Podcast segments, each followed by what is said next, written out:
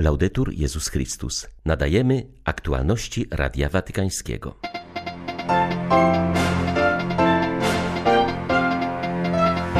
Franciszek mianował nowego arcybiskupa Gdańska. Został nim arcybiskup Tadeusz Wojda, dotychczasowy metropolita białostocki. Papieska podróż do Iraku przynosi nadzieję na pokój i odbudowę tego kraju, uważa watykański sekretarz stanu. Pandemia COVID-19 ukazuje nam konsekwencje naszych uchybień. Widzimy, jak wygląda społeczeństwo, w którym nie szanuje się najsłabszych, rodziny i Boga, uważa prymas Czech. 2 marca witają Państwa ksiądz Krzysztof Ołdakowski i Krzysztof Bronk. Zapraszamy na serwis informacyjny. Arcybiskup Tadeusz Wojda, dotychczasowy metropolita białostocki, został mianowany przez papieża nowym metropolitą gdańskim. Pragnie on realizować powierzoną misję w duchu słów swojego zawołania biskupiego, aby Ewangelia była głoszona, ponieważ, jak dodaje, od Ewangelii wszystko się zaczyna. W wypowiedzi dla Radia Watykańskiego nowy metropolita gdański zwrócił uwagę, że z Ewangelii rodzi się pokój, relacje z innymi, wspólnotowość oraz współpraca poprzez swoją posługę pragnie, aby Kościół ukazywał swoje piękno oraz wnosił wkład w życie społeczne. Jestem ogromnie wdzięczny Ojcu Świętemu za tą nominację, chociaż troszeczkę nieoczekiwana, bo zaledwie niespełna cztery lata, kiedy jestem w Białymstoku, zaczęliśmy realizować pewne formy programów duszpasterskich. No ale oczywiście, że rozumie doskonale, że Ojciec Święty też widzi sprawy i, i ma pewne priorytety, także ja jestem ogromnie wdzięczny za to, bo to jest też jakiś wielki gest zaufania. Archidiecezja decyzja gdańska to przede wszystkim, że dwa razy większa, jeśli chodzi o liczebność niż decyzja białostocka. Myślę przede wszystkim na tym polu, by ukazywać Kościół jako jedną wielką wspólnotę. Chodzi o to, żeby w tej wspólnocie każdy przede wszystkim czuł się, że jest częścią tej wspólnoty, żeby nie było dzielenia że my i wy, to znaczy my jako kapłani, my jako biskupi, wy jako ludzie, ale że tworzymy jedną wspólnotę, w której każdy ma swoją odpowiedzialność praca w kongregacji właśnie uczyła tego, że mimo, że, że Kościół jest rozproszony po całym świecie, to jednak tworzy zawsze jedną wielką wspólnotę, wspólnotę czy to narodową, czy wspólnotę kontynentalną, czy wspólnotę międzynarodową. Na tym polega powszechność Kościoła. Arcybiskup Tadeusz Wojda ma 64 lata. W 1976 roku wstąpił do Palotynów. Po uzyskaniu doktoratu z misjologii na papieskim Uniwersytecie Gregoriańskim rozpoczął pracę w Kongregacji do Spraw Ewangelizacji Narodów, w której w 2012 roku został podsekretarzem. W 2017 roku papież Franciszek mianował go arcybiskupem białostockim. Przyszły piątek papież wyrusza w podróż apostolską do Iraku. Zdaniem watykańskiego sekretarza stanu Franciszek przekaże przesłanie otwierające na przyszłość. Kraj, który wydał na świat Abrahama i w którym żyje jedna z najstarszych wspólnot chrześcijańskich, wciąż ma bardzo widoczne rany wojenne i zmaga się z plagami ubóstwa, terroryzmu, a także z COVID-19. Kardynał Pietro Parolin w rozmowie z Radiem Watykańskim zwrócił uwagę na pilną potrzebę współpracy Irakijczyków w celu odbudowy kraju i uleczenia wszystkich ran, aby rozpocząć nowy etap w historii ich ojczyzny. Papież chce wystosować przesłanie ku przyszłości. To jest najważniejsze. Są sytuacje i realia, które doświadczają pewnego cierpienia, a właśnie istotną część tego stanowiły prześladowania i męczeństwo. Sam Kościół przeżywa trudności, należy promować dialog międzyreligijny. Wierzę, że centralne przesłanie będzie następujące. Nie pozwólmy się zablokować przez to wszystko, co się wydarzyło, niezależnie od tego, jak bardzo to było negatywne, a było bardzo negatywne, ale patrzmy w przyszłość z nadzieją i odwagą, aby odbudować rzeczywistość Iraku. Kardynał Parolin nawiązał również do bolesnego tematu opuszczania Iraku przez chrześcijan. W ostatnich latach z powodu przemocy wyjechało z kraju ponad milion wyznawców Chrystusa. E, Z pewnością Kościół, chrześcijanie, katolicy w Iraku oczekują na papieża z wielkim pragnieniem. I oczywiście trzeba ich zachęcać, by żyli swoim chrześcijańskim powołaniem w tej trudnej sytuacji, jaka panuje w Iraku. Powiedziałbym, że jest to niemalże powołanie w ramach powołania chrześcijańskiego, powołanie chrześcijan Bliskiego Wschodu, aby żyć w tej rzeczywistości, w swoich środowiskach, w swoich krajach.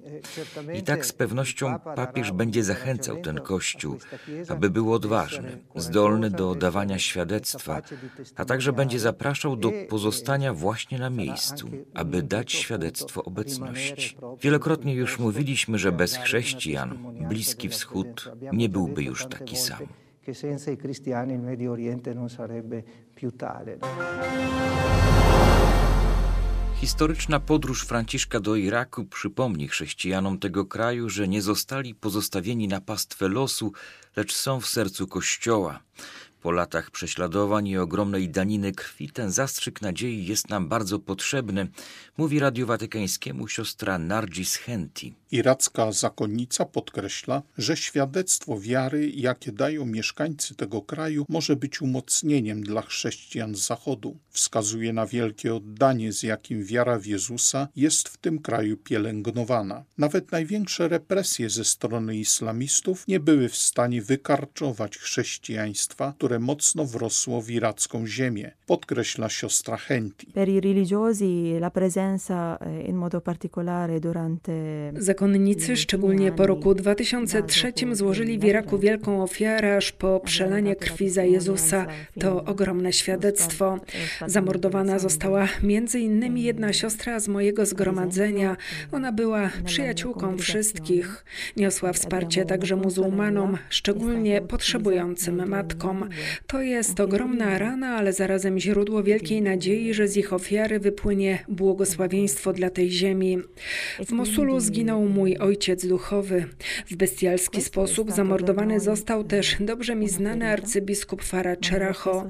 Byli to ludzie, którzy z radością i odwagą dawali świadectwo swej wiary.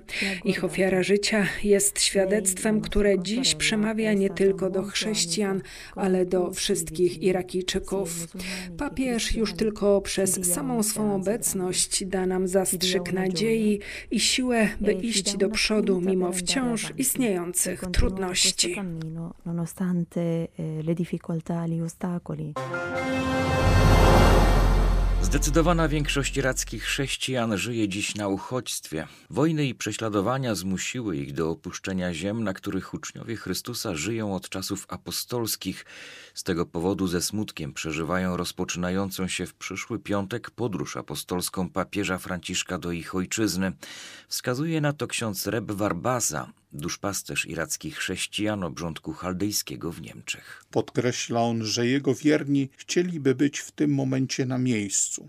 Są bowiem świadomi, że jest to podróż historyczna. Po raz pierwszy w historii następca Piotra udaje się na tereny Mezopotamii, mówi ksiądz Basa.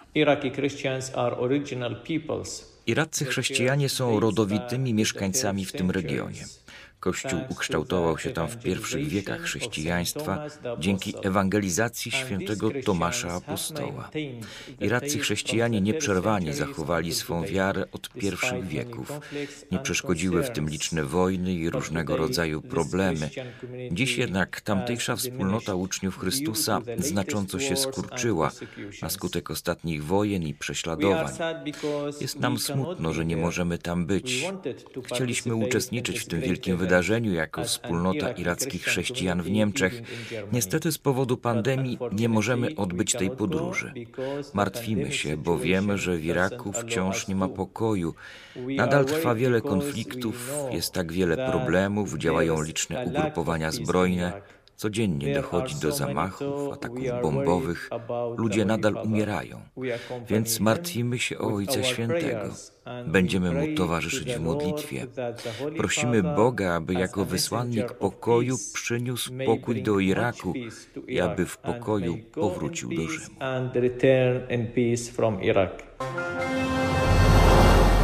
Mija 10 lat od śmierci Shahbaza Batiego, pakistańskiego polityka i chrześcijanina, który został zamordowany przez islamskich fundamentalistów, między innymi dlatego, że stanął w obronie Azji Bibi i dążył do zmiany dyskryminującej ustawy o bluźnierstwie. Przez całe życie walczył o prawa mniejszości i przypominał, że zmiana mentalności zaczyna się od edukacji.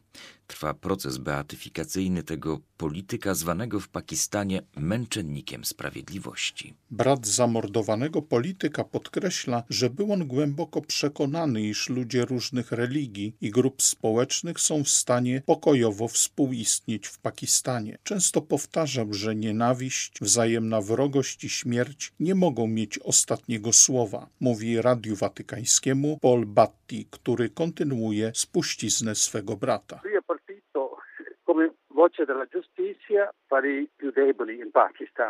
Rozpoczął jako głos sprawiedliwości, potem rozgorzała jego walka przeciwko ekstremizmowi i terroryzmowi. Obecnie mamy sytuację kryzysową z powodu koronawirusa, ale wcześniej mieliśmy terroryzm i fanatyzm na całym świecie, zwłaszcza w najbiedniejszych społeczeństwach, takich jak Pakistan, gdzie chrześcijanie byli marginalizowani, uciskani, nie byli zintegrowani ze społeczeństwem.